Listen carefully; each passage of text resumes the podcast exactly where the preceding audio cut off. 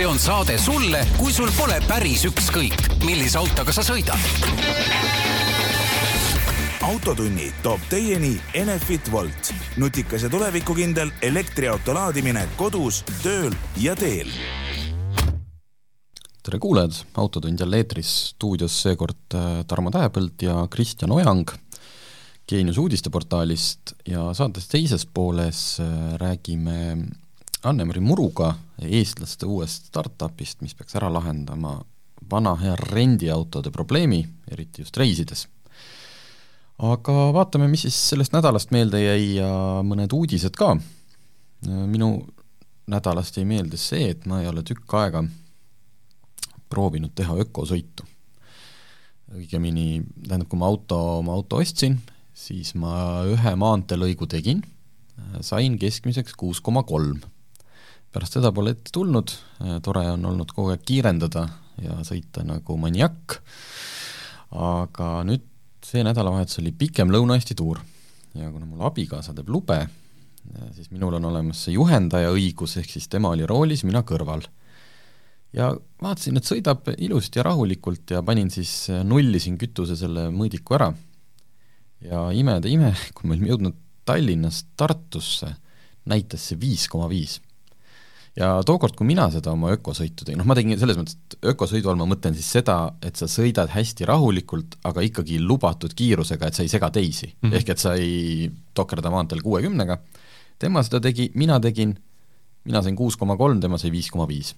aga palju see kiirushoidlik peal oli sellest ajast eh, maanteel? tead, ta ei saa, mul, kuna mul ei ole adaptiivne, siis mm, -hmm. siis tegelikult ju Tallinn-Tartu maanteel oli päris tihe saalimine, nii et kogu aeg sa, jõudis, keegi jäi sulle ette või ühesõnaga väga ei olnud kogu see viissada kuuskümmend kilomeetrit, millest muuseas sada viiskümmend oli niimoodi, et äh, täis lastis auto viie inimesega.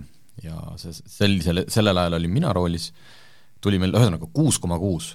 Ja teate, see on mõnevõrra, ma soovitan seda kõigil teha, ükskõik, kas siis eesmärgiks on sport, eesmärgiks on loodust säästa või raha säästa, aga see on nii pagana hasartne.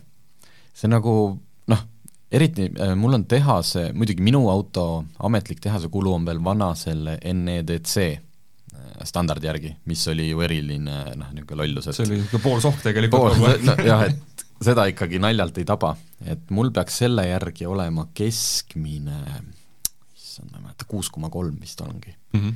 ja maanteekulu peaks olema neli koma üheksa.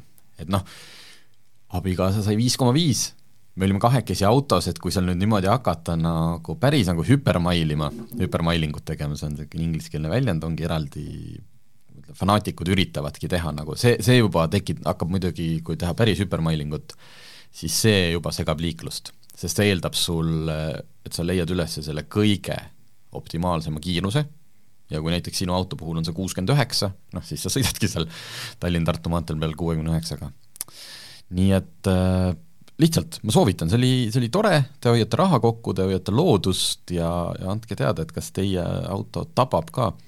hiljuti sõitsin Renault Arcana E-Tech hübriidiga, mille lubatud keskmine on, kas mäletan õigesti, vist oli ka neli koma üheksa äh, kogu keskmine, juba siis uue mõõtesüsteemi järgi ja sellega sõites ma sain kätte viis koma null. Nii et nagu see uus, jaa, see uus VLTP on nagu päris hea. millal sa viimati ökosõitu tegid? ma tavaliselt ei tee sellist asja aga mul tuleb meelde nende samade neli koma ja viis komadega üks äh, talvine sõit Rakveresse Tallinnast. Äh, noh, seal on ikkagi nii-öelda kaks äh, sõidurada ühes suunas ja seal on väga lihtne nagu kütust kokku hoida. ja see oli algusest lõpuni õnnestus sõita kiirushoidikuga, sest liiklus oli hõre ja, ja noh, talvel ju on üheksakümmend, kiirust rohkem ei ole, noh, nipet-näpet, nagu me ikka teame, eks ju. ja, ja sellises oma tempos tuli neli koma kaheksa kütusekulu okay. ja ühe koma neljane bensukas Octavia, tavaline pereauto. et selles mõttes ei, ei, ei midagi müstilist autot, aga müstiliselt väike number. aga ma mainin ära, et Kristjan naases just, mis oli üle kuue tuhande, kuus tuhat seitsesada kilomeetrit või? jah, umbes kuus tuhat seitsesada kilomeetrit äh, mööda Skandinaaviat, Lada või siis VAZ kakskümmend üks null üks, üks või üksteist või null kolmteist? ei, ikka üks ja kõige esimene. aga kas sina teed vahet tänaval, kui sa näed? no ma Mina... olen juba nii, nii palju nende ladadega sõitnud, et ma teen vahet, jah. kas seal on mingi suunatule või mingi esivõre jaa, seal on kuju? see, et eh, kõige lihtsam, eks ole, null ühel on see esikaitseraud või stange, nagu öeldakse, seal on need nii-öelda piklikud kihvad suured, on ju, üheteistkümnel ja kolmeteistkümnel on need väiksemad, neid või ei ole neid üldse, on nagu see silestange nii-öelda. ja, ja siis üks asi, mille järgi kohe kaugelt ära tunneb, on see C-piilar ehk see lai tagaosa, eh, null üheteistkümnel ja kolmeteistkümnel on seal õhuvõtuava või selline ventilatsiooniava, aga null ühel on sileplekk, nii et kui on nagu sileplekk, siis on et äh, Kristjan tuleb ilmselt augustikuus, räägime sellest äh, sõidust pikemalt, aga ma tahtsin lihtsalt selle kütuse teema puhul küsida, et äh, tead sa ka, mis su keskmine kulu oli? ei, ma ei ole, ma ei ole kokku arvutanud, sest et me noh, nii värskelt veel tulime ja ei ole jõudnud nagu sellega tegeleda. küll aga võin öelda seda, et võrreldes Norraga ja isegi Soomega oli Rootsis jube odav bensiin, ma ise arvasin, et Rootsi on kõige kallim nendest maadest mm, -hmm. aga vastupidi, et äh, Soomes oli see kõige odavam, mis me tankisime, oli kaks eurot nelikümmend kolm senti liiter, kõige kallim oli kaks kuuskümmend seitse selle nädala jooksul nagu saime sellist, sellist mhm. hinnakõikumist, Norras oli stabiilselt kahe viie, kahe kuuekümne juures.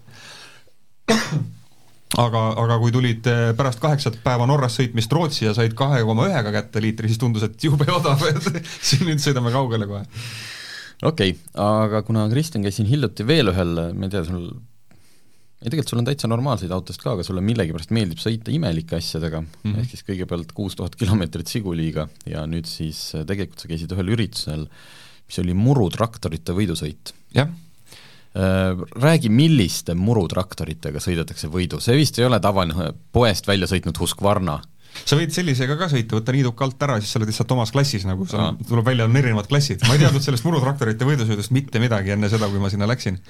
ja, ja kui eh, hea tuttav helistas, kes sellega tegeleb ja kutsus, et eh, tulge sõitma, proovige siis kohe sai öeldud jah, ja kui kohale jõudsin, siis hakkasin esialgu vaikselt väikest viisi kahetsema, et miks ma sinna läksin, sest et eh, need, millega meie seal võidu sõitsime, on ikkagi päris kiired aparaadid ja, ja seal on nagu noh, murutraktorile sarnane välimus mm. -hmm. selles mõttes ta on ikkagi selline lai ja madal ja istud nagu vastu maad ja, ja ta on ikkagi ehitatud ise, et, et see raam on seal ise ehitatud ja seal on tagasillas on noh, suures osas ongi nagu kaardi tagasild ja, ja esisild on ise tehtud ja ja mootorilt on siis kõik need piirajad ära võetud, et läheb pöördesse nii palju, kui tuleb ja ja pandud sinna mingid tsiklikarburaatorid ja, ja mingid USA-st tellitud mingisugused äh, sepistatud kolvid ja tugevamad klapivedrud ja nii edasi ja nii edasi, ühesõnaga tuunitud nii, nagu, nii nagu torust tuleb. aga sõideti sellega heinamaal või asfaldil? läbisegi no., seal on erinev, noh, meie võistlesime Kundas, seal ütleme sellist heinamaad, heinamaad nagu ei olnud, et seal oli ikkagi selline park ja pargi, pargi muruplats. aga ega seal oli ikkagi selles mõttes rada oli auklik, seal pargi muru sees oli päris palju selliseid salakavaleid auke, mille, mida nägid siis, kui sealt läbi sõitsid ja ehk et sellel mururiba peal, äh, kui minna sellesama hooga nagu asfaldilt mururiba peale, siis äh, viskas esiotsa maast lahti, et seal ikkagi oli päris raju sain aru, et äh, käisid ühe korraga teelt väljas või? jah, ja juhtus jah, et on see ohtlik ala?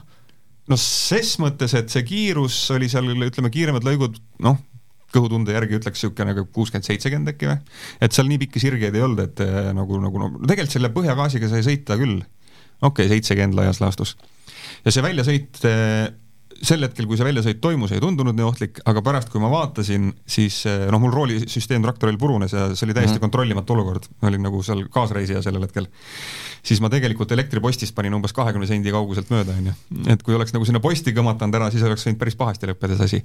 ja jumal tänatud, et eh, roolisüsteemi purunemise tõttu traktor nagu vasakule viskas, sest et paremal oli koolimaja sein. et kui oleks nagu selle seitsmekümne pealt koolimaja seina tõmmanud täiega, noh siis, siis see poleks ka vist hästi lõppenud aga mis varustusega, põhimõtteliselt tsiklivarustusega krossi tsiklivarustusega jah, krossi saapad, krossi kiiver, riided ja, ja meie panime ka need äh, selja ja rinna kaitsmed endale peale mm. -hmm. kuigi vanad hundid nagu sõitsid ilma, ütlesid, et sellega hakkab palav äh, Läheksid veel? Iga kell, jah, selles mõttes oli lõbus, et äh, seltskond oli tore, noh nagu äh,, ega motokross on umbes samamoodi, mul tuli hästi tuttav nagu ette selles mõttes, et et äh, see on nagu üks suur pere, kes seal koos käib, et noh, rajal ollakse küll konkurendid, aga boksides nagu üksteist aidatakse, et kui seal kellelgi oli mingisugust mutrivõtjat kiiresti vaja või endal komplektis ei olnud, siis nagu kõrval boksist kohe tuldi ja anti, et, et selles mõttes oli niisugune äge kogemus, et niisugune äge, tundub, et see on selline vahva, vahva sõpruskond, kes seal koos käib ja, ja seal, seal sõpruskonnas võiks aega veeta küll ma saan aru, et see on, see teeb selle asja veel ohtlikumaks, aga minu arust võiks ikkagi olla tera all ja seal võiks ikkagi mingi niitmine ka käia. Ma ei tea, kuidas seda lahendada või kas mõõtagi niimoodi, et igaüks peab mõõtma mingi, või mingi laiguga ära mõõtma, sest noh, ma olen ikkagi maainimene, ma tahaks, et sellest kõigest kasu oleks. õige, õige, õige, mis te ikka siin niisama tolmutate ja, ja päristate, on ju. vot äh,, mis siis uudist, uudist on see, et äh, uurisime, et millal siis äh, elektriautode ostutoetust saab. noh, ja millal saab siis? ei tea oh,. see, see on hea teada ühesõnaga, tegelikult kaks tuhat kakskümmend üks jaanuaris öeldi välja, et tuleb elektriautode ostutoetus taas ja kui varasemalt oli seal summad äh, miljoni ringis, siis nüüd jagatakse välja kuus miljonit. Aga kes nüüd vaatab kalendrisse, siis on meil käes kaks tuhat kakskümmend kaks juuli ja pole jätkuvalt mingit ostutoetust saanud, et äh, esmalt noh, Martin Mets, äh, mu tavasaatekaaslane, kirjutas Autogeeniuses sellest ka terava arvamuse, kuidas kas üldse ostutoetust on vaja. et tema kaks pointi olid see, et esiteks need elektriautod on nagunii ikka veel nii kallid, mis tähendab seda, et inimene, kes jaksab omale osta neljakümne või viiekümne tuhande eurose auto, äh, tal ei ole seda viite tuhandet vaja, et see on nagu selline noh, boonus, kuidagi nagu ühesõnaga, see ei päästa tema rahalist seisu, vaid see lihtsalt ajab teda noh, nagu ostma. Mm -hmm.. nojah, et võib-olla siis lisandub, aga tegelikult ei ole sellel inimesel seda vaja, see ei ole nagu majanduslik vajalik meede. Ja teine, teine argument on see, et kui need autod, kui siin järjest elektriauto fännid ja, ja müüjad ja kõik üritavad Excelis ära tõestada, kuidas äh, teatud kilometraaži juures on see odavam kui juba sisepõlemismootoriga auto, eriti arvestades kütuse ja kõigi hindu, et miks siis seda toetama peaks? et kui see on nagu odavam ja mõistlikum. vot, et äh, ärme seda praegult, äh, seda, seda kaantava ah, või, või siis natukene ma vaidlema. ei, ei, ma tahtsin, ei, ma just vaatasin jaa, et sul oli, silm läks särama, et ja, tegelikult ja. vaidleme siis, vaidleme. Et... Selles mõttes nõus ja aga ka, aga ka paar vastumõtet eh, selle koha pealt, et eh, selleks, et muutust läbi viia, tuleb inimest motiveerida muutuse, muutusega kaasa minemiseks ja, ja inimene, kes eh, suudab osta neljakümne viiekümne tuhandese euro, eurose auto, on reeglina äh, majanduslikult mõtlev inimene ja majanduslikult mõtlev inimene tegutseb ainult siis, kui ta saab soodukat. minu isiklik väide ehk et tal on nagu väga suur selles mõttes nagu põhimõtteline vahe, et kas ta saab selle asja leti hinnaga kätte või ta saab selle viis tuhat eurot soodsamalt mm. -hmm. asi ei olegi selles, kas ta jõuab seda osta või ta ei jõua, vaid asi on põhimõttes. et kui ma saan selle, kui mul, kui mul on nagu motivatsioon seda eelistada millegi teisele sellepärast, et ma saan sealt mingi sooduka või ma saan mingi toetuse, siis, siis see on, ma usun äh,, paljudele just nagu põhimõtteliselt selline sütitav jõud. teine asi on just seesama, et kui, kui me ikkagi tahame äh, et elektriautod äh, tuleks tänavale, et, et see igapäevane liiklemine tänaval muutuks saastevabamaks okei okay,, unustame kõik selle liitiumiooni kaevandamise teema ära, vaid räägime sellest, mis meil Tallinna tänavatel toimub, kui meil on siin rohkem elektriautosid, siis meil on siin vähem saastet, see on selge. siis, siis kuidagi tuleb seda ju ikkagi kiirendada ja motiveerida, et, et kui ma olen tõsiuskne diislimees, siis ma sõidan sellega elu lõpuni ja mul jumala kama, et sama, sama kalli raha eest võin elektriauto saada ja, ja ma sõidangi selle diisliga. et selles mõttes mina ikkagi leian, et need toetused võiksid nagu olla ja nüüd, ja küll tulles nüüd sellesama siis suure Žiguli reisi peale tagasi, mis me Skandinaavias tegime, siis teatavasti ju Norras olid need suured ostutoetused, ma ei ole kindel enam, kas need praegu on, kuuldavasti seal enam äh, elektriautoga vist suurlinnades tasuta parkida enam ei saa, et see vist võeti ikkagi ära Oslost. aga noh, need soodustused seal pikalt olid ja, ja seal on see nii Rootsis, nii Norras kui tegelikult ka Taanis, kus see, kevad sai käidud, on see elektriautode hulk tänaval ikkagi silmapaistev et äh, järelikult see, see toob muutust. ei saa ju väita, et äh, skandinaavlased on äh, rahvas, kes elavad peost suhu, pigem vastupidi, nemad on nagu maailma kõige rikkamad, eks ole. ja, ja kui see nende seas nagu toimib, miks see ei peaks nagu siis siin toimima? ja, ja me ei räägi seal ainult mingisugusest Tesla uputusest, vaid noh, täiesti kogu automudelite palett, alates Nissan Leafist kuni uue Mustang E-Machini välja, et, et noh, kõik, kõik -hmm. me tegime väikse katse kahekümne viiel kilomeetril või kolmekümnel kilomeetril, lugesime ära, et palju meil elektriautosid vastu tuleb, seal tuli üle kolmekümne tuli vastu selle aja peale, et, et noh, Eestis tuleb seal võib-olla kaks selle aja jooksul ei, selles mõttes see Skandinaavia näide on hea jah, et, töötab küll, et äh, muidugi nagunii ka rikas rahvas, aga just, et siis sa suunad nagu ta just nende võib-olla isegi mitte niivõrd rahalistega, vaid seesama, see parkimine, bussi mm, -hmm. bussiread, et see võib paljudel olla ikkagi väga oluline, väga oluline point, absoluutselt, kui sa käid ikkagi iga päev äh, kontorisse tööle ja, ja maksad selle eest nelikümmend, viiskümmend eurot kuus parkimise peale ära, siis, siis see on ka nagu asi, mis paneb mõtlema.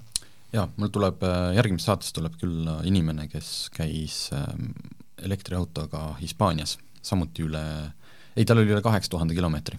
Eesti, Hispaania, Eesti. Mm, -hmm. räägib siis oma kogemusest, kuidas laadimise ja kõigega läks, lihtsalt mul, kui ma korraks siit haaran laua pealt sellise vandenõuteoreetiku mütsi Nii? ja panen selle pähe, et see elektriauto hindade on see, et noh, et vaata, kui kuskil turule tekib nagu tasuta raha, et siis noh, natukene võib ju küüniliselt ka mõelda, et miks siis automüüja ei peaks seda endale võtma, ehk et ahah, toetus tuli, paneme siin natukene nüüd hinnale juurde, sellepärast et noh, et inimene saab ju selle raha riigilt ja ühesõnaga, okei okay. ma lihtsalt olen kuulnud sellist äh, teooriat, see ei olegi nagu mitte minu välja mõeldud, vaid seda, et kui, et et, et kui tulevad need toetused, et siis, siis kipuvad ka hinnad tõusma, aga ma ütlen Need ole... tõusevad niikuinii, ega see viimase kahe aasta no, jooksul, kui sa vaatad, siis see on täiesti pöörane. ja noh, teine müüt muidugi on see, et elektriauto juba ammu enam ei maksa nelikümmend, viiskümmend tuhat eurot, et kui sa oled leppima, nõus leppima väiksema autoga, siis sa võid kahekümnega ka saada. Äh, ma pean sulle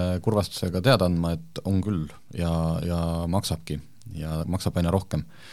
Käisin just sõitmas Kiia Niroga, eelmises saates ka rääkisin, et kui ühesõnaga eelmise põlvkonna Nirot praegult ei müüda, müüakse küll Hyundai Konat, mis ei ole saanud veel uuendust, ja Hyundai Kona hinnad on kuskil neljakümne tuhande juures. aga ah, igasugused e-apid ja mis asjad, need Volkswageni neid, neid eriti ja, ei ja ole saada. noh, Dacia Spring ei ole auto, Dacia Spring on ei no ma räägingi, et kui sa lepid nagu vähesega. no Dacia Spring on põhimõtteliselt, me räägime rollerautost, mis sõidab sada kolmkümmend kilti tunnis, et et jah aga ikkagi, kui ma vaatan ka Peugeot kakssada kaheksa ja nende hindu, see on pigem nelikümmend tuhat. Nissan Leafi hinnad kindlasti üle kolmekümne tuhande. aga Kiia Niro, uus elektriline, nelisada kuuskümmend kilti saab sõita, hakkab neljakümne kaheksast tuhandest eurost. no vot, siis jõuame jälle selleni, et kellele ja milleks selliseid autosid, et just. Vot, aga äh, tulles siis tagasi selle toetusmeetme juurde, äh, midagi saime ikkagi teada. Ühena sellest venimise põhjusest on äh, toonud siis äh, Keskkonnaministeeriumi esindaja välja ka selle, et äh, noh, mis vabandust, natuke tundub totakas, mitte et noh, ilmselt see põhjus ongi selles, et mitte see inimene ei tundu totakas, aga et et meetme valmimist on mõnevõrra pikendanud seegi, et lühikese aja jooksul on ametisse astunud juba kolmas keskkonnaminister. just minister seab meetme peamise visiooni ei sea, selles mõttes need ametnikud teevad selle valmis äh, noh, need me-, kaks tuhat kakskümmend üks, et kindlasti on see valmis lihtsalt, ma arvan, et see ministri vahendus tähendab seda, et iga kord noh, ta ei jõua kõiki neid dokumente läbi lugeda ja siis on mingid prioriteedid, et kas me võtame palju metsa maha või me võtame veel rohkem metsa maha, eks ju mm, -hmm. põlevkivi, need kõik on tähtsamad kui mingi elektriauto toetusmeede. aga mina ei usu, et nüüd tuleb uus minister ja hakkab tohutut visiooni nojah, et nüüd on jälle nullis kõik, et jah, eh, viskame oodake, oodake, viskame ära just, et ma nüüd täna kaks päeva tegelen sellega, et ma visioneerin, no ei. aga jällegi, mis ma siin õelutsen, häid uudiseid on ka. et nüüd, kui algselt kaks tuhat kakskümmend üks räägiti kuuest miljonist eurost, siis nüüd on toetuse meetme mahuks planeeritud kümme miljonit eurot aga, ja kui varem oli plaanitud seda rahastust kasutada noh, mis see oli, kaks tuhat kakskümmend üks kuni kaks tuhat kakskümmend neli, siis nüüd pikeneb see äh, kahe tuhande kolmekümne kolmanda aastani. Äh, sellest nüüd ei ole siin täpsemalt, et kas siis see kümme miljonit mis, mis ennem pidi kestma kolm aastat, siis nüüd kestab siis kaksteist aastat, näis, võib-olla siis kuna uut meedet rahastatakse heitkoguste kauplemissüsteemi enampakkumistulu vahenditest, et äkki neid lihtsalt siis mingi hetk äh, pannakse sinna jälle kümme miljonit ja jälle kümme miljonit, näis. No ühesõnaga, seal on ikkagi jätkuvalt küsimusi rohkem kui vastuseid sellel teemal. on, ja kõik need, et kas järjekordselt peab olema seal läbisõidunõue sada tuhat kilomeetrit ja noh, kõik need asjad, et siis äh, see kõik selgub. vot ma tahaks isiklikult kohtuda elektriauto omanikuga, kes sõidab sada tuhat kilomeetrit läbi selle lühikese ajaga, mis seal neli aastat oli, neli aastat, neli aastat oli ja kakskümmend tuhat aastas, et see tegelikult oli kaheksakümmend tuhat. oli siis, jaa, et kakskümmend tuhat aastas. noh, selles mõttes äh, elektriautol, kui sellel pole midagi viga, sellega võiks sõita, aga need üksikud äh, kiirlaadimise kogemused, mis mul nagu on olnud selja taga äh,, juba sellepärast ma tahaks selle inimesega kokku saada ja küsida, et, et kuidas sa seda planeerid, seda kiirlaadimist, et sul kogu aeg õnnestub olla nagu autoga liikvel? ei, nad laevad kodus, et need no, on need inimesed, kes laevad kodus ja, ja siis need üksikud korrad, kui kiirlaadijas, siis äh... ehk et korteriinimesena on see jällegi omaette väljakutse sellist läbisõitu saavutada aga kui nüüd see toetus tuleb, siis äh, tasub hakata, sellepärast et Hyundai esitles, äh, Hyundai on üldse, Hyundai on sellise hoosja, ei, nad ei maksa, et me siin saates kogu aeg neid kiidaks, nad lihtsalt on hoos, te võite seda lugeda ka ütleme, mujalt meediast, et sellel ajal, kui näiteks BMW teeb mingeid hiidsuuri võresid ja tahab inimestelt hakata küsima raha istmesoojenduse eest kuutasuna, Lõuna-Koreas selline asi on plaanis, siis eh, Hyundai lihtsalt eh, esitles kahte kontseptautot, ma ei hakka neid praegult, kirjutaks sisse Hyundai kontsept, tuleb siin viimase aja uudised, lihtsalt nii megavälimusega. seal oli vesinikmootoriga oli üks, teine oli sportlik elektriauto, nad teevad sellist, seda retrodisaini ja teevad nii hästi, et lihtsalt noh, nagu ulmefilmi autod ja mitte halvas mõttes, vaid heas. aga Äh, esitleti ka lõpuks Ioniq kuus mudelit. Ja Ioniq kuus mudel on äh, nagu Ioniq viis mudel, väga erilise välimusega, aga seekord no ma ei saa öelda, et ta ei ole see, noh, ta ei ole nagu sedaan klassikalises mõttes, pigem kui te mõtlete sellist hästi langeva tagaosaga või siis Mercedese need EQE vana, ja vana CLS minu arust täpselt samasugune just, just, CLS või siis need uued EQE ja EQS äh,, Mercedesed, niisugune lauge äh,, aga jätkuvalt stiilne ja ilus ja just see, et noh, vahelduseks, vahelduseks ei tehtud jälle linnamaasturit. noh, tuleb nagu, tuleb ka linnamaastur neil. jooniks seitse vist või üheksa aga... erakordne jah, et, et äh, selline sihvakas sedaan ikkagi tuleb enne linnamaasturit välja, et mm -hmm. päris, päris julge käik just. praegusel ajal, kus äh, sihvakaid sedaane kohtab üha vähem jah, äh, muus mõttes nagu Ioniq viis, et kaks akut, viiskümmend kolm või seitsekümmend seitse kilovatt-tundi, pardal jätkuvalt kaheksasaja voldine see, kogu see süsteem, jätkuvalt saad sa sealt autost laadida ka teist autot, noh küll aeglaselt, või oma, ma ei tea, mootorsaagi või kasutada kuskil metsa all pliiti, ja äh, kõige suurem läbisõit, mis tal on, on parimal juhul üle kuuesaja, kuussada kümme kilomeetrit. Pole paha tegelikult. ei ole ja, ja seest on ta ka väga stiilne ja retro, ühesõnaga ja mis mulle tundub sümpaatne, on just see, et eh, kuidas pannakse rõhku vähesele energiakulule, et, et et see on erakordselt eh, voolujooneline auto, see õhu, õhutakistuskoefitsient oli vist null koma kakskümmend üks, kui ma õigesti peast mäletan, ja ja, ja lubatakse siis saja kilomeetri läbimiseks vähem kui neljateist kilovatt-tunnist eh, energiakulu. no mis on vähe. mis on väga väike, tavaliselt nad jäävad ikkagi sinna kahekümne kanti. jah, jah, just et äh, ja see ei ole nagu see nüüd selline auto, et noh, no näitasid ja siis vaatan, et kaks tuhat kakskümmend viis võib-olla tuleb, et äh, Hyundai on andnud lootust, ehk siis Eesti Hyundai, et me võime seda ka Eesti pinnal näha juba selle aasta lõpus. Äh, siin oleneb, noh, me teame küll, tarneraskused, logistika, kõik, aga teoreetiliselt noh, seda mudelit juba nagu klopsitakse tehasest kokku mm, -hmm. et mitte mingi kontseptauto. vot, ja millest me veel, kuna Kristjan on stuudios ja Kristjan koos oma kolleegidega, ehk siis minu ja teiste autolehe ja autogeeniuse tüüpidega tegime loo viisteist levinud eksiarvamust liikluses. ja need on need, me kõiki neid läbi ei võta, aga võtaks paar olulist, need hakkasid pihta nendest samadest äh, juttudest, te, te teate kõik, äh, kas olete kohanud või seda väidet, et kui kuskil pargib auto kõnniteel ja siis sa lähed ütlema, et ära pargi või, või tegelikult see ei ole õige, siis hakatakse omavahel arutama, et tohib küll, kui jalakäijale on vi-, üks koma viis meetrit ruumi jäetud mm. -hmm. siin on kaks asja segamini aetud, selles mõttes, et võib, kui jalakäijale on jäetud üks koma viis meetrit ruumi, aga seal peab olema kõnniteel parkimist lubav märk. täpselt et see ei ole nii, et sa vaatad, et hirmus lai kõnnitee, et ma, et me noh, näiteks Tallinnas Soo tänav mm, -hmm. sa ei või sinna parkida, jah, sa paned oma auto sinna, jalakäijal jääb ruumi, aga tegelikult sa ei või seda teha, et äh, siis olge selleks nagu valmis. mis siin, mis siin veel on? No mina tooks välja ka selle, mida ilmselt paljud eh, kas unustavad või ei tea, et eh, ühissõiduki raja, rada võib kasutada kiirendusrajana ja aeglustusrajana. et eh, kui sa ristmikult keerad välja ja, ja liiklus on nii-öelda tihe, siis sa, sa võid rahulikult minna sinna ühistranspordirajale, võtta sealt too üles ja liit, liituda nii-öelda teistega samal kiirusel juba sujuvalt mm -hmm. liiklusvoolu. ja täpselt samamoodi, kui sul on tarvis inimene maha panna ühistranspordirajal, siis sa võid rahulikult keerata sinna rajale ja seal hakata pidurdama, mitte ei pidurda nagu kogu liikluse seisma enda selja taga ja siis teed need viimased viimasel hetkel nagu põike tee äärde.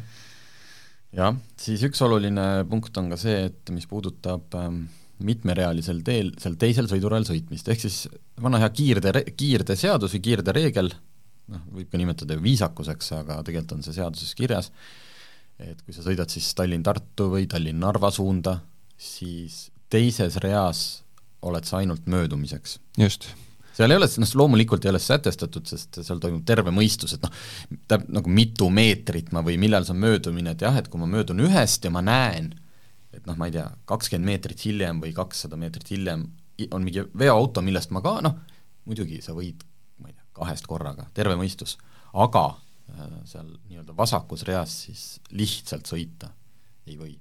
aga siin on nüüd üks oluline erinevus, mul ühel tuttaval tuli siin sellest lausa äh, selline liiklusviha äh, juhtum äh, Laagna teel, et linnas see tegelikult äh, ei kehti. ei kehti jah, linnas ja, ja ta sõitis, ta sõitis seal oma, oma reas, ta ei sõitnud kõige äärmises ja, ja noh, seal on seitsekümmend lubatud ja ta tunnistas, et ta tegelikult sõitis, ausalt tunnistas, seitsmekümne üheksaga, et ta isegi nagu ei uimanud seal siis kõige vasakpoolsemas reas. ja siis mingi tüüp sõitis tal taga, mingi hetk sõitis siis paremalt mööda, sõitis ette ja tegi selle klassikalise pidurdu, pidurikontrolli, noh see, et pidurdas ja hakkas ees nagu märku andma, kuivõrd vihane ta on. et noh, jah, et see on natuke selline viisakuse case, et kõik eeldavad, et see vasakpoolne rida on vaba, aga linnas see seadus nagu ei kehti. absoluutselt. üldse, et ärge tehke mingit pidurikontrolli või ärge hakake kedagi õpetama liikluses, et nagu kui loll sa pead olema, noh no ma võin tuua, see ei puutunud, puudutanud eh, eksiarvamusi, aga lihtsalt eh, õpetamisest ja, ja pidurikontrollidest eh, näide enda kodukandist Muuga aedlinnast, kus kohalikud elanikud panid oma tänavale välja kolmekümne piirus, kiirusemärgi, kuigi seal on viiskümmend lubatud. et noh, siin on jällegi sama, on ju, et okei okay,, me saame aru sellest, et siin on nagu palju inimesi ja võivad, võivad tulla inimesed tänavalt välja, aga aga see ei ole okei okay,, et me hakkame ise panema nagu liiklusmärke välja. et noh, kuhu, kuhu me siis läheme, kas järgmisel hetkel hakkame üksteisele trahve ka välja kirjutama, et noh, see on nagu täiesti jabur. aga kui rääkida veel eksiarvamustest, äh, ma ei tea, kas äh, räägime veel autodest või lähme tasapisi juba kergliikurite juurde, et ikkagi politseil ja mitte ainult politseil on hinge peal ikkagi elektritõuksid, sest nendega jätkuvalt toimub palju õnnetusi, palju probleeme ja, ja inimesed äh, ma ei tea, kas siis hoolimatusest või, või arvates, et, et ju minuga ei juhtu, eh, rikuvad päris elementaarseid asju, et eh, mine käi siin Reidi teel ja mm. kui, kui palju sa näed neid kahekesi tõuksi peal sõitjaid. või siis võtta seda, mis on samuti politsei jaoks viimasel ajal väga tõsine probleem, kuidas nokastanud peaga minnakse rahulikult tõuksiga sõitma või, või, või, või ka jalgrattaga, et et see on ju nii-öelda jutumärkides vana tuntud tõde, et, et kui lähed sõpradega õllekasse, siis mine jalgrattaga, on ju, jäta auto koju, ei, ei ära mine tegelikult jalgrattaga samamoodi ei tohi sõita joogise peaga. ja, ja noh, ütleme ausalt, et kui sa oled nagu joogine ja pead kahel rattal tasakaalu hoidma, siis, siis seda joogisena on oluliselt raskem teha kui kainena, et, et see on nagu õnnetuse otsimine põhimõtteliselt. See ei ole ilmselt esimene ja kindlasti ka viimane kord, kus ma õpetan inimesi nende tööd tegema, aga või, või siis, et äh, trahvid. Ja, ja lihtsalt see on see, et kui ma näen neid teismelisi mitmekesi sõitmas, ja nüüd on meil jälle kampaania, kuidas ära sõida kahekesi ja noh, et sa kukud ja siis sa saad haiget ja suva, teismelised ja noored on ju surematud, noh. sellepärast teismelised ja noored teevadki nagu lollusi kogu aeg, et sellepärast, et oma, oma mõtetes on noor inimene surematu, noh. temaga ei juhtu. ma lähen kahe sotiga siin kurvi, ärme räägi isegi purjus peaga sõitmisest, sest noh, minuga ei juhtu mitte midagi mul on ju lamellrehvid all autol, see peab ju ja sama on selle kahe, aga kui sa ütled sellele teismelisele, kellel on taskuraha võib-olla mingi viis eurot ma ei tea, nädalas või kakskümmend eurot kuus, sa ütled selle, ja minu arust see ongi ju nii, et kah-, kakskümmend eurot on minu arust see kiirmenetlus või see lühimenetlus selle mm -hmm. kahekesi tõuksi peal olemise eest. ja selle tõuksiga sõites sa ei näe, kus kohas see politsei on, iga hetk võib sul selja taga käia ja oled kakskümmend eurot oma taskurahast ilma. seda tuleb noortele öelda, trahvi saad, mitte et kukud ja ai, ai, siis on põlv katki ja noh, küll on kole, no mis täitsa nõus, täitsa nõus, kui ikkagi taskurahast ilma jääd, siis see motiveerib. aga kui teismelised on hullud, siis vot sellest ma ei saa aru, mis toimub sellise kolmkümmend pluss pereisa peas, kes oma viieaastast tütart seal nagu sõidutab ja mõlemal ja. kiivrit peas ei ole. jah, ei no see on, see on sama, et tema on jällegi nii osav, et temaga ei juhtu selles mõttes, et ta on osav ja aga ikkagi, ma arvan, et ka tema ei tea et sellel hetkel võib tal sel-, iga hetk selja taga käia seesama nagu noh, noh kui tead, ma ei tea, kas sa autoga lähed sõitma niimoodi, et sul mina ei tea, mis, mis, mis adekvaatne võrdlus võiks olla lihtsalt nagu, et sõidad kogu aeg kabrioletiga niimoodi, et sul turvavööd ei ole, noh. varem või hiljem keegi näeb sind ju ja teeb sulle selle trahvi ära ja,. jah, jah ja üks asi, mis äh, sellest artiklist mõnes mõttes väikse probleemina, eraldi probleemina välja tuli minu jaoks, oli see, et äh, jalgrattagrupisõit on põhimõtteliselt äh, korralikult reglementeerimata Eesti seadusandluses.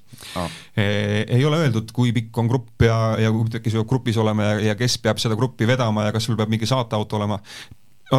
Vähemasti sellest vastusest, mis Transpordiamet mulle, meile saatis, lugesime seda välja, et võiks olla mingisugune juhtauto grupil mm -hmm. ees, aga ei pea olema ja, ja samamoodi äh, ainus äh, seadus, mis jalgrattaga sõitu määratleb, on see, et sõiduteel pead sõitma äh, tee parempoolses servas noh, et sealt võtad siis loogiliselt, et kui kaks ratturit sõidavad kõrvuti, siis see vasakpoolse enam ei ole tee parempoolses servas. aga see on ka enam-vähem ainus konks, kus nagu kinni hakata.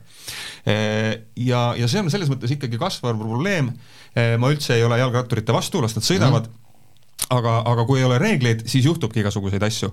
Äh, kogemus sellest nädalast äh, tuli noh, julgelt niisugune kahekümneliikmeline punt äh, jälle seal Muuga vahel vastu ja, ja rahulikult sõideti üle ristmiku, nii nagu neil olekski nii-öelda Tour de France käimas ja kogu liiklus oleks kinni pandud, on ju. Ja, ja noh, totaalne segadus autojuhtide seas, totaalne segadus ka jalakäijate seas, sest seal olid ülekäigurajad täpselt samamoodi seal ristmikul, mida, mida siis kogu see tervisesportlaste grupp nagu nii-öelda kui üks mees ja kui peateel olles kogu aeg ületas, eks ju. et no ise nägin, kuidas tehti vähemalt kaks äkkpidurdust seal ristmikul ja, ja, ja noh, üks jalakäija oleks ka nipa-napa seal jalgratast alla jäänud, et et, et kui me autojuhtidena nagu saame liikluse eeskirjadest aru ja, ja, ja me kardame, et, et kui me eksime, siis nagu politsei võtab meid vahele, siis austatud politseinikud, palun tehke seda tööd, et jalgratturitele ka mõistus pähe panna, et e, võiks rohkem tähelepanu pöörata sellele, et kui ikkagi tõesti selline Tour de France mööda tänavat ringi paneb, no siis võiks nendega tegeleda mm. -hmm ja ratturile veel teadmiseks, et e, noh, võib-olla tõesti on jällegi segadus, et siin e, eriti just linnas, kes ei ole kogenud, et rattal peavad olema helkurid, aga pimedal ajal peab rattal olema ees valge ja taga punane tuli. mitte selles mõttes, et ta peab sul noh, loomulikult sul on enda huvi, et see valgustaks sul kõvasti ka teed, aga niimoodi märkamise mõttes, et, et sa ei saa apelleerida sellele, et mul on ju helkurid, et Just. on nõutud ka tuled. vot, neid punkte oli viisteist, otsige üles Autogeeniuses äh, lugu pealkirjaga viisteist levinud eksiarvamust liikluses ja saage natuke targemaks, jagage teistele ka ja siis on meil kõigil parem ja ohutum aga nüüd tuleb stuudiosse Anne-Mari Muru äh, firmast Liigu või startupist Liigu ja räägib, kuidas äh, nad hakkavad muutma rendiautode turgu. ja nüüd on meiega liitunud Anne-Mari Muru, kes on sellise startupi, eesti keeles idufirma tegevjuht nagu Liigu. pean tunnistama, et mina ei olnud sellest varem kuulnud kui ma läksin lehele, millel on eestlaste jaoks väga tore aadress, liigu.me ehk liigume, äh, avastasin ma, et tegemist oleks justkui nagu rendi, järjekordse rendiauto ettevõttega, aga Anne-Mari nüüd saab ise äh, mitte küll kolmekümne sekundi sellise pitch'i nagu startup'i üritusel, vaid äh, võib kohe päris paar minutit, et siin ma aega ei võta. et lühidalt, et mis asi on Liigu? tere ka minu poolt ja mul on väga hea meel siin olla. ja tõsi, ma väga ei imesta, et äh, võib-olla Eesti inimene, isegi kes on autohuviline, ei ole võib-olla meist seni veel kuulnud. aga absoluutselt on meil äh, nii nagu igas iduettevõttes eesmärk maailma vallutada, nii et ma usun, et ka Eesti inimesed jõuavad õige pea meie ja meie teenustena, teenusteni. aga mis siis Liigu on? Liigu on äh, autorendiettevõte tõesti. Ja võib-olla põhjus, miks ei ole meist väga palju äh, kohalikud inimesed kuulnud, on see, et me alustasime oma tegevusega tänaseks juba aasta aega tagasi, aga sugugi mitte Eestis, vaid äh, autode rentimisega Prantsusmaal. Ja just nimelt eesmärgiga, et nagu ma ütlesin, vallutada maailma ja alustame siis kohe natuke kaugemalt maailmast kui ainult Eestist, sest autorenditurg kui selline Eesti kontekstis on nii-nii väike, et, et siin alustamine võib-olla ei ole väga äriliselt mõistlik. samas jälle Lõuna-Euroopa on autorendi mõttes väga tegus ja toimekas, konkurents on tihe, aga ka probleemid on suured, et et kui nüüd küsida, et miks siis järjekordne autorendi ettevõtmine ette võtta või milleks seda vaja on, siis kes on autot rentinud, ilmselt on kokku puutunud sellega, et niikaua kui äh, broneering teha, ütleme, tahan minna, lähen ärireisile, lähen puhkusereisile teise riiki tean, et mul on seal kõige mõistlikum ja mugavam liikuda ringi autoga, olgu see siis sellepärast, et mul on palju pagasit, tahan ma sõita ühest linnast teise, on mul kaasas lapsed. põhjused võivad olla erinevad, et miks ma leian, et auto, mitte mingi muu transpordivahend on see kõige parem võimalus. ma siis lähen kuskile vahendussaidile või otse ka autorendi saidile ja proovin broneerida endale auto nendeks mulle sobivateks kuupäevadeks ja see kõik üldiselt sujub väga kenasti. kust tulevad probleemid ja on olnud see autorendi äris seni juba, ma arvan, viimased peaaegu kolmkümmend aastat, on olukord, kui ma siis sinna oma sihtpunkti kohale jõuan. mis siis juhtub? võtan oma pagasi ja lähen matkan kuskile autorendipunkti. väga nukker on see juhul, kui see on kuskil, ütleme peale õhtul kella ühteteist, kui see rendipunkt võib olla kinni ja ma ei ole selle peale enne mõelnud või kui ka olen mõelnud, siis ma olen ilmselt maksnud päris hea mitukümmend eurot peale, et siis keegi suvatseks õhtul hilisel ajal sinna minu pärast kohale tulla, et mulle anda autovõti. Järgmiseks etapiks juhtub see, et ma hakkan seal täitma rendidokumente, mis on siis kas inglise keeles või siis selles kohalikus keeles, kuhu riiki ma sattunud olen. halvemal juhul inimene üle leti räägib keeles, mis on mulle vähetuntud või siis raskesti arusaadav ja kogu see protsess reeglina võib võtta isegi kuni nelikümmend viis minutit aega, kui on järjekord väga tihedates lennujaamades, tiheda liiklusega lennujaamades veelgi kauem. igal juhul oma autoni äh, ma ütleme nii, et keskeltläbi neljakümne viie minuti ja tunniga võib-olla jõuan, aga võib-olla ka mitte. nüüd probleem siis, mida Liigu lahendab, on see, et kasutades liiguteenuseid, sa teed samamoodi mugavalt kodus oma broneeringu ära, aga teed mugavalt kodus ära ka kõik need toimingud, milleks sa muidu kulutad äh, lennujaamas äh, pool tundi, tund aega või isegi kauem. Ehk isikutuvastuse, äh, oma tehingu tingimustega tutvumise ja, ja tegelikult ega rohkem ei olegi vaja. ehk siis liiguteenuse puhul sa broneerid endale auto, sa jõuad oma sihtkohta, sa vaat-, avad liigu äpi sa näed, milline auto ja täpselt millises asukohas äh, sind ootab. Äh, sa navigeerid ennast siis läbi lennujaama parklasse. ütled, et jah, olen auto leidnud, alusta renti ja tee uksed lukust lahti. ja, ja see kõik käibki äpis, et ma ütleks, et lisaks sellele, et me võtame vahelt ära selle tülika isikutuvastuse dokumentide täitmise ja rendideski minemise on veel niisugune erinüanss, mis on liigu ja juures, liiguteenuse juures meie jaoks väga äge on see, et füüsilist autovõtit me kunagi välja ei anna, vaid see kõik käibki äpi vahetusel, et, et see on niisugune sõna otseses mõttes nutirent, sest me teeme autod nutikaks ja võimaldame siis sellist auto kasutamise kogemust tänapäevasel ja ägedal moel. pikk kirjeldus, aga no., aga see on midagi sellist, mis me äh, teeme väga selge, äh, õnneks tekkis ka küsimusi, muidu jääks jutt igavaks mm. -hmm. kas te olete nüüd selles mõttes nagu äh, kuidas ma ütlen, vahendaja, et te kasutate, te olete kokkulepped sõlminud mingite rendifirmadega või on teil päris oma autod? meil on päris oma autod ja miks see on nii, on põhjusel, et äh, me tõesti esialgu mõtlesime ka, et väga mõnus oleks teha niisugust vahendusteenust, et mitte minna oma tegevuses väga keeruliseks et leiame firmad, kes siis tahavad oma autot äh, nutikaks teha ja, ja kasvatame siis äri kiiresti ja, ja kõrgele ja kaugele. aga reaalses elus on see, et autode nutikaks tegemine sellisel moel, et nad äpiga ühilduksid, ei osutunud äh, juba olemasolevatele autorendiettevõtetele sugugi mitte nii atraktiivseks.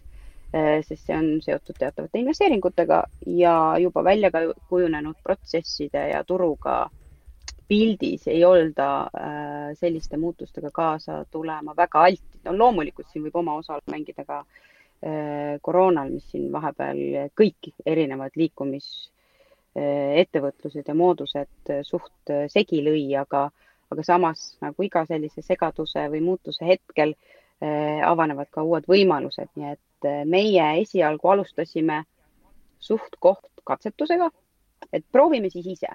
Kui turg ei ole veel ilmselgelt liiga valmis, et nii suure uuendusega kaasa tulla.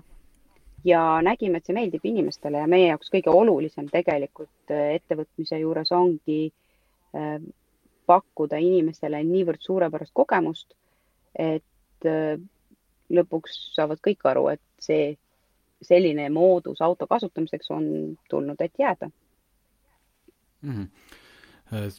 issand, nii palju küsimusi, mõtlen, kuidas ta, üks on see, et kas te olete nüüd keskendunud just lennujaamadele või mis pidi see nagu erineb siis ütleme, Eestis olevat Bolt Drive ja, ja Citybee, et kuidas te, kuidas te endast nendest eristate? ja et, et esimene erisus, mille võib välja tuua, on see, et Bolt Drive ja, ja ka Citybee on turule sisenenud ja nende selline põhikontseptsioon on täna ikka veel, mitte ainult küll, aga ikka veel eh, minuti, tunni, võib-olla kuni päevapõhine rent. Nad küll tulevad pikemaajaliste teenustega ka juurde, aga põhimõte nende puhul töötab nii, et autod on siis mingites kohtades ootel, inimene vaatab äpist, kus auto on võtab selle auto kasutada ja ei ütle ette, kuna ta selle auto tagasi toob. Äh, liigu äh, kontseptsioon on selles mõttes võib-olla lähedasem traditsioonilisele autorendile, kus sa broneerid ette kindlaks ajaks. ma ütlen, et ma võtan auto nädalaks sealt lennujaamast, sealt rongijaamast, sealt kesklinna punktist ja toon ta siis mingi kindla perioodi äh, möödudes sinnasamasse kohta tagasi ehk siis ette kavandatud kestusega rent ja pigem siis ikkagi alates päevast keskeltläbi või nii-öelda meie tehingud on niisugused seitse päeva pikad. et seal on mhm. see erinevus kõige suurem.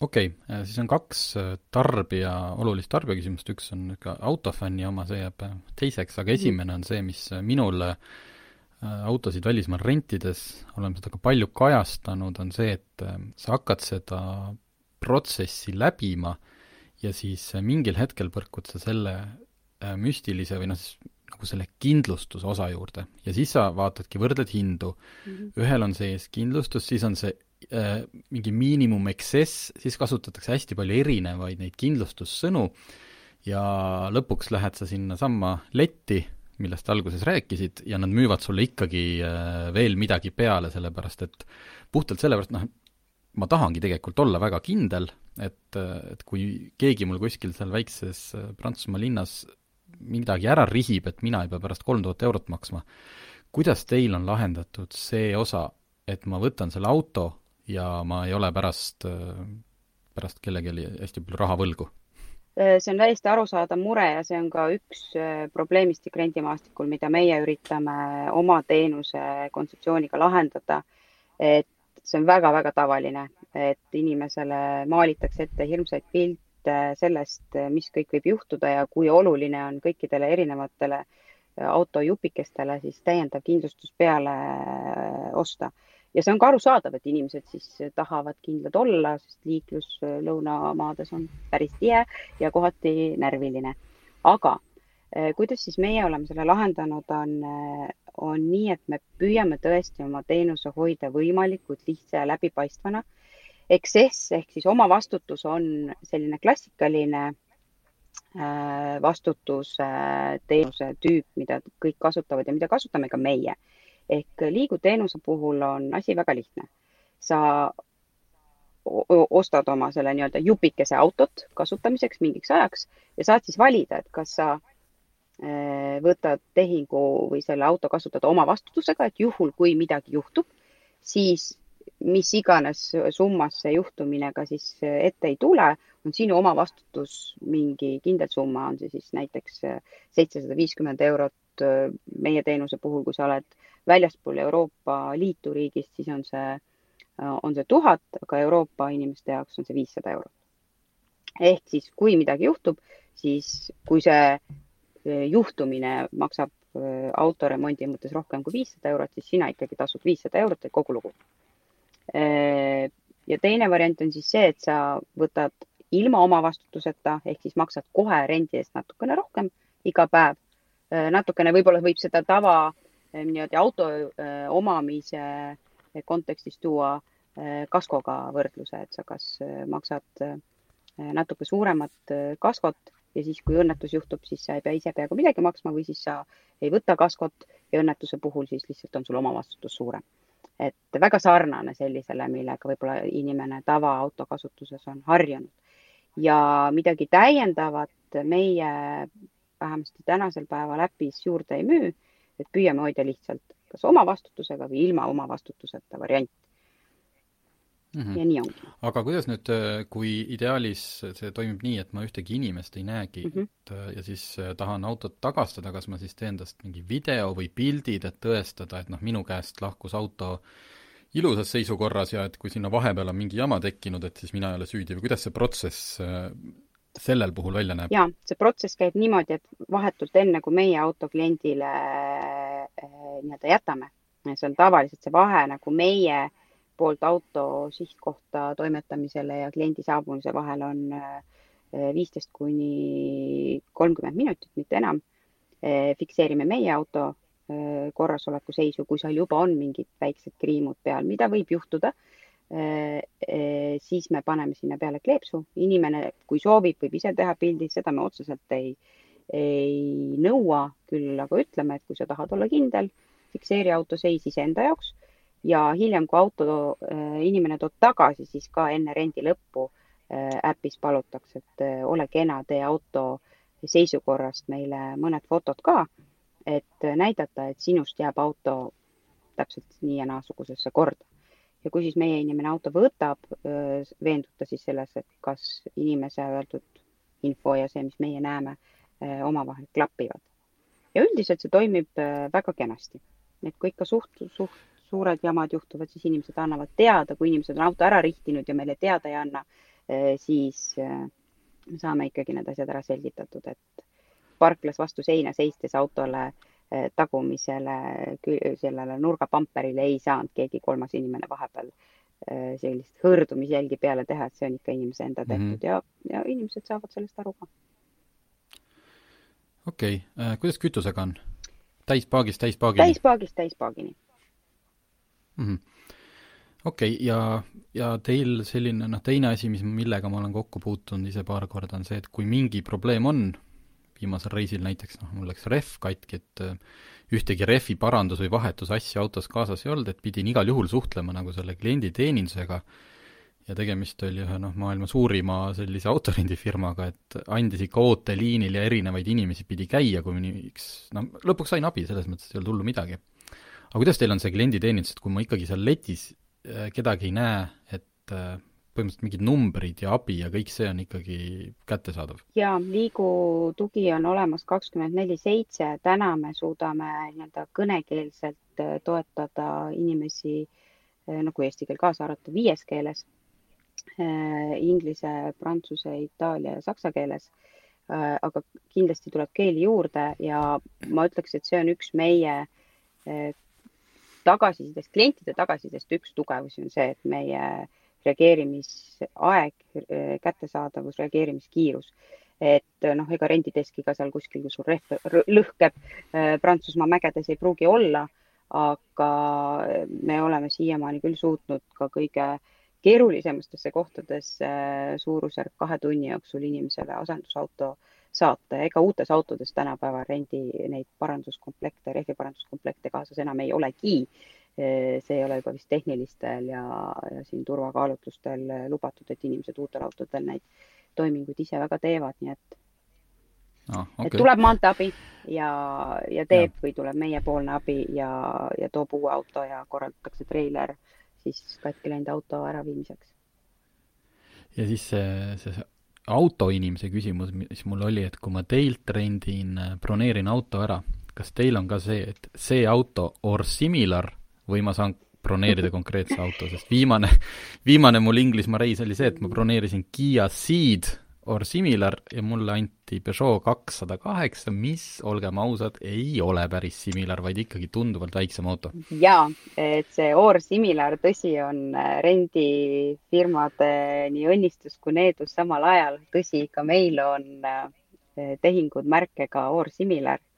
Äh, küll aga taustal me püüame oma näidismudelid hoida võimalikult oma päris füüsilise autopargiga kooskõlas.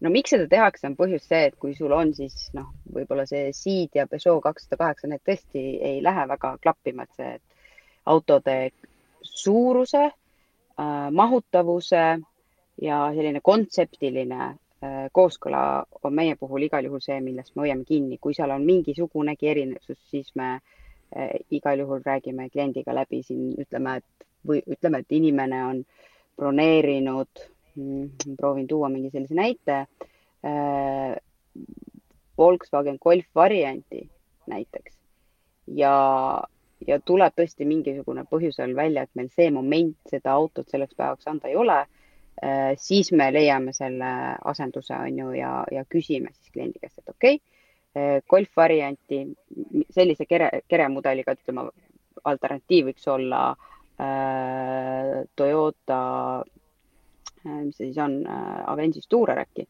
et et eh, kui on selline vahetus, et kere on sama, mahutavus on sama, siis tegelikult võibki see auto lihtsalt tulla siis Toyotana mm. -hmm. aga kui me näiteks anname selle asemel Volkswagen Taigo, siis me võtame ühendust, ütleme, et pole päris sama, aga kas klapib. ja, ja mm -hmm. noh, mhm. siis on seal võib-olla mingid hinnaerinevused, aga kere tüüp, mahutavus, see peab ikkagi olema sama. et vastasel juhul seda or similar meie jaoks ei ole or similar mm. -hmm.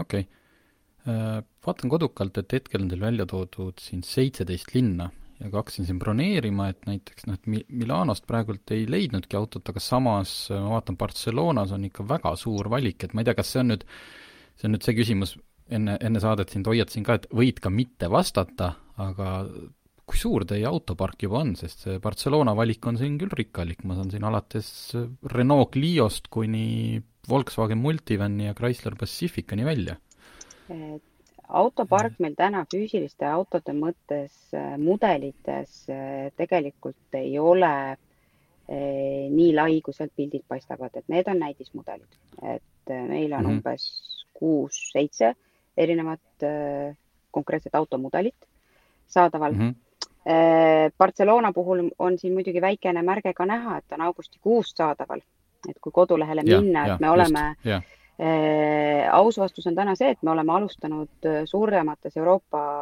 linnades, kus me teame, et autorent hästi toimib, eelmüüki ja oma füüsilise operatsiooniga me liigume nendesse linnadesse samm-sammult, äh, täpselt nii, nagu nõudlus siis nõuab.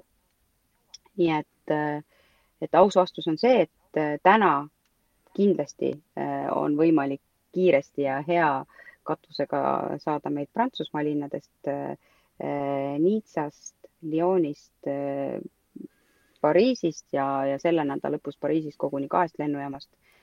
aga teised linnad on veel sellises faasis, kuhu me äh, liigume samm-sammult vastavalt sellele, kuidas nõudlus kasvab mm. -hmm. siia lõppu uuriks ni-, niimoodi üldiselt, et äh, see autorent, noh, kõik, kes on kasutanud, saavad aru, et see on äh, noh, okei okay,, internetist saab seda juba teha, aga kuidagi oma olemuselt tundub see ikka jube, kuidas ma ütlen, vanaaegne või kõik on nii iganenud, needsama paberimajandus, äh, mis sa mainisid.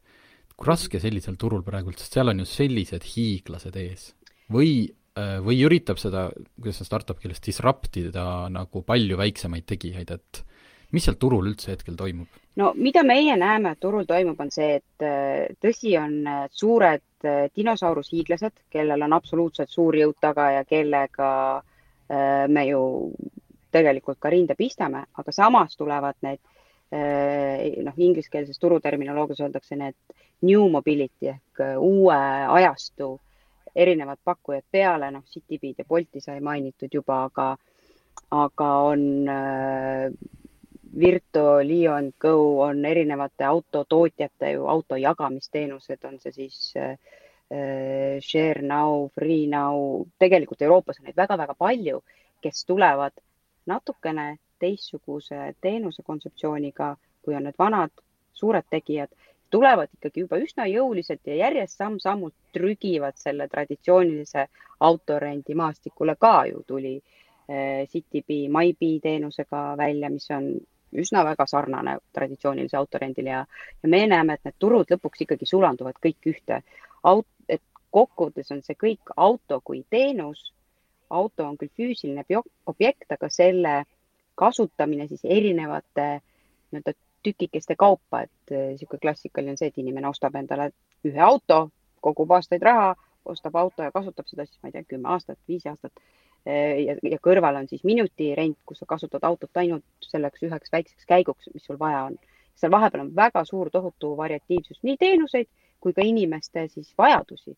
et meie näeme, et auto kui teenus saab olema üks niisugune kontsept, kus siis on mitmed suured tegijad, kes siis pakuvad erinevaid võimalusi inimestele vastavalt nende vajadustele, on see siis niisugune subscription tüüpi teenus, on see, on see minutirent, päevarent, veel mingisugune muu, et see kõik saab olema selline teenusepõhine ja konkurents kokkuvõttes äh, ikkagi teeb oma töö ja me näeme, et klient on see, kes maksab ja klient lõpuks valib, et mis talle siis sobib, kas talle sobib see vana klassikaline, mida ta on harjunud kasutama, mis on võib-olla ebamugav või järjest enam inimesi siiski lähevad selle sellise nutikama ja moodsama lahenduse teed ja meie ei näe konkurentsis, ütleme uuema ajastu tegijate vaates üldse probleemi, et mida rohkem on neid pakkujaid, seda enam on sunnitud ka vanad tegijad äh, ajaga kaasa tulema ja, ja siin väga suured turuliidrid, võib-olla Sixty ma isegi täitsa mainiks, on äh, üsna uuendusmeelsed ja järjest-järjest ikkagi ka oma tootearenduses selliseid võtmevabasid ja kontaktivabasid lahenduses sisse toovad. väikestel tegijatel on oma sellise Eh, paindlikkuse ja väiksuse tõttu ilmselt see eelis, noh, et meil on lihtsam ja kiirem oma toodet kujundada ja turule tulla, noh, nendel on eelis turujõu, tuntuse ja, ja selle poole pealt, et, et sellised üsna tava, ma arvan, et turg on muutumises ja, ja uuendusliku ja nutika lahenduste poole liigub, aga see, mil moel, kui kiiresti, kes võidab, kes kaotab, see on juba niisugune tavaline turu, turu toimimise põhimõtetel. Ta käib, nii et elame-näeme mm -hmm.. okei okay,, et lihtsalt, kuna te alguses mainisite, et vist juba alles aasta olete tegutsenud ja siit edasi kõik need, kõik need juba startup'i teemad ilmselt on rohkem meie Restardi saate teema, aga mind üks asi jäi korraks, et eh, kas te oleksite praegult veel palju või kui palju teid on seganud praegult see autode saadavus? et kas võiks olla veel palju kiirem ja palju parem, aga lihtsalt ei ole autosid?